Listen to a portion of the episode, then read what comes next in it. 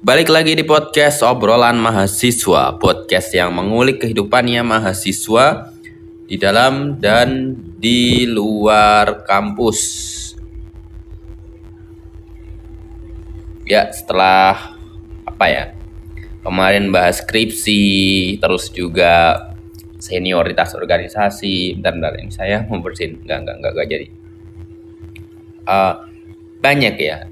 Saat ini juga masuki bulan Maret sekitar lima bulan lagi lah ya bulan 8 biasanya ya kita akan menerima kampus-kampus itu uh, kedatangan mahasiswa baru yang ingin melanjutkan di perguruan tinggi yang mereka inginkan masing-masing dan mereka sudah diterima.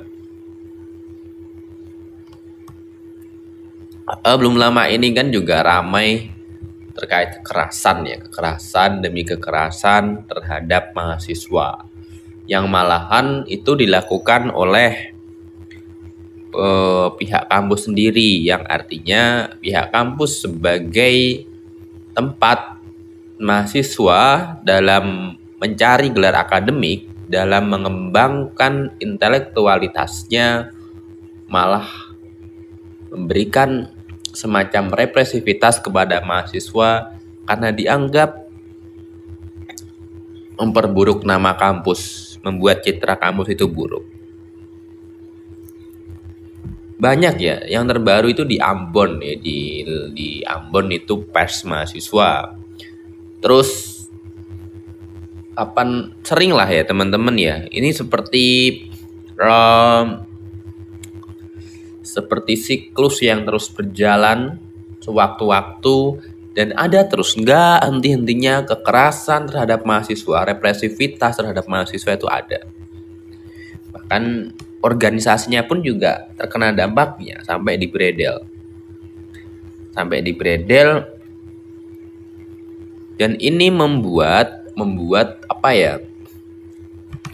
Membuat uh, semacam kita sebagai salah satu insan insan pergerak gerakan sih ya insan aktivis ya mahasiswa yang mungkin bergelut di dunia pembelaan di dunia advokasi kita merasa cemas. Kenapa hal seperti ini terus terjadi? Kok nggak ada hentinya? Dan ini tidak pernah berhenti ya. Ini menjadi tanda tanya besar sebenarnya yang perlu dibenahi itu yang mana? Kalau memang yang dilakukan mahasiswa itu salah dalam arti mereka misal pes mahasiswa ya pes mahasiswa uh, dia memberitakan tidak sesuai dengan kode etik jurnalistik. Ataupun uh, menyalahi aturan yang berkaitan dengan jurnalistik. Itu mereka bisa disalahkan ya.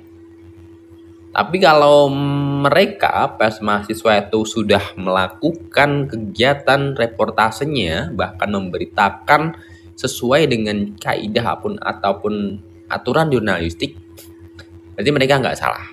Berarti mereka nggak salah. Terus kita lihat dari sisi um, kampusnya.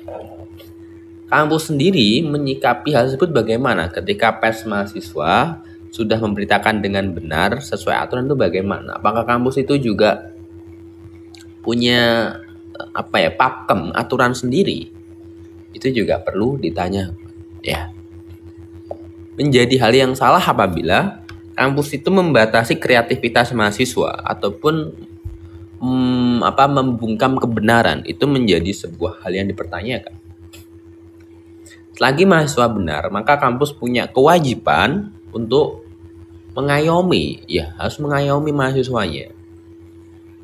Harus memberikan perlindungan kalau toh ada misal kekerasan seksual yang diberitakan oleh pers mahasiswa, berarti di sini ada lampu ada semacam warning, ada semacam war, apa peringatan yang diberikan oleh mahasiswa bahwa ini ada nih uh, kesalahan kampus yang harus di, diubah. Ya. Harus diubah ini. Karena misalnya kalau kita kadang saya sendiri juga uh, kadang juga merasa gatal gitu ya melihat kampus ini harus berbenah. Tapi ketika saya berusaha dengan cara baik-baik ngobrol, kemudian bersurat, nggak direspon pasti kan juga jengkel lah ya. Ini saya juga merasakan saya harusnya mendapatkan fasilitas yang terbaik tapi kenapa saya mendapatkan fasilitas yang buruk. Karena yang dilakukan juga kita akan mencoba memviralkan bahasanya yang mudah dipahami ya. Kita akan mencoba mempublikasikan agar orang lain juga tahu bahwa ternyata ada masalah di kampus ini. Bukan hanya diri kita sendiri, tapi orang lain dengan jumlah yang sangat banyak itu juga harus tahu. Maka cara yang dilakukan tadi biasanya dengan pemberitaan. Itu teman-teman ya. Dan juga begini. Uh, apa ya? Apa itu saya maksudnya kalau bang? Sehingga ketika ada permasalahan seperti ini kadang ya kampus melakukan represivitas bahkan konsekuensi terburuk yang diberikan pihak kampus kepada mahasiswa adalah mengeluarkan mahasiswa yang bersangkutan yaitu mendrop out ya kan? Mendrop out mahasiswa yang bersangkutan. Kemudian dari mahasiswa sendiri kan juga punya masa ya dia punya teman yang banyak kemudian membuat semacam aksi mendemo kampusnya karena pihak kampus merasa terusik, merasa terganggu, akhirnya mendatangkanlah pihak kepolisian, pihak keamanan. Di sini lagi dan lagi, ya kan? Hal-hal yang sebenarnya tidak perlu dilakukan terjadi kan ya. Polisi kekerasan dengan mahasiswa. Artinya akan merembet kalau nggak ada ditemu. Ya nggak ada ditemu. Karena selalu saja nggak ditemu kampus tetap kekeh bahwa citra harus terus dinaikkan karena bagaimanapun jangan sampai kampus kita ini mempunyai citra buruk di masyarakat. Begitupun mahasiswa kekeh dengan kebenaran yang harus diperjuangkan. Kira-kira bagaimana sih solusinya, ya kan? Kira-kira bagaimana solusinya? Ini menjadi pertanyaan besar, ya, tanda tanya besar. Karena kita nggak mungkin membatasi dosen, rektor, karyawan yang ada di kampus tidak tidak mungkin membatasi mahasiswa. Mereka harus berkembang. Mereka adalah kaum intelijensia. Dia harus punya intelijensi intelektual yang sangat luas. Jangan sampai dibatasi. Mahasiswa pun juga uh, dalam memperjuangkan apa intelektualnya juga harus menyatukan. Jadi memang agak ribet ya agak riwah gitu ketika menyikapi kejadian-kejadian seperti itu seperti yang ter terbaru terjadi di Ambon itu.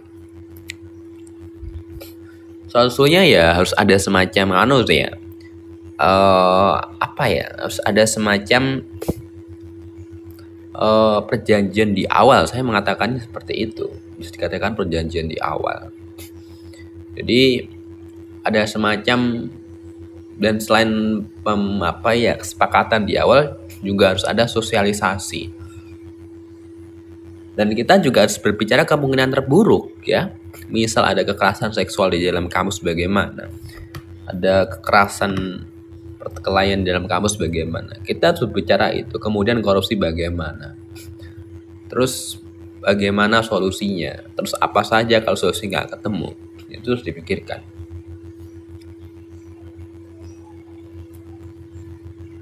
saya yakin banyak ya unek-unek dari mahasiswa tapi saya juga semacam apresiasi kepada mahasiswa yang masih punya keberanian besar ya di tengah mungkin kampus yang represif.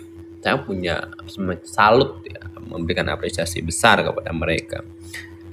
Karena di tengah tekanan yang dialami, di tengah apa semacam bahkan makian ya, makian kadang juga tak sering tidak tidak jarang dia masih bertahan untuk memperjuangkan kebenaran yang menurut dia itu benar.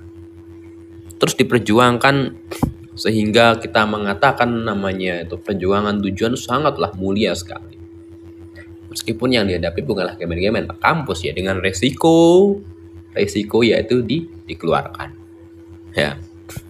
Maka dari itu ya mungkin harus ada semacam regulasi yang jelas, kemudian juga ada pedoman yang jelas sehingga pada saat ada kejadian yang tidak diinginkan dan mahasiswa yang menuntut kebenaran ada di temunya ya. Tidak ada ujuk-ujuknya kekerasan kemudian apa ya represif. Tidak seperti itu. Oke? Itu ya. Eh, teman-teman semuanya, kawan-kawan semuanya di episode kali ini. Sampai jumpa di episode selanjutnya. Bye bye.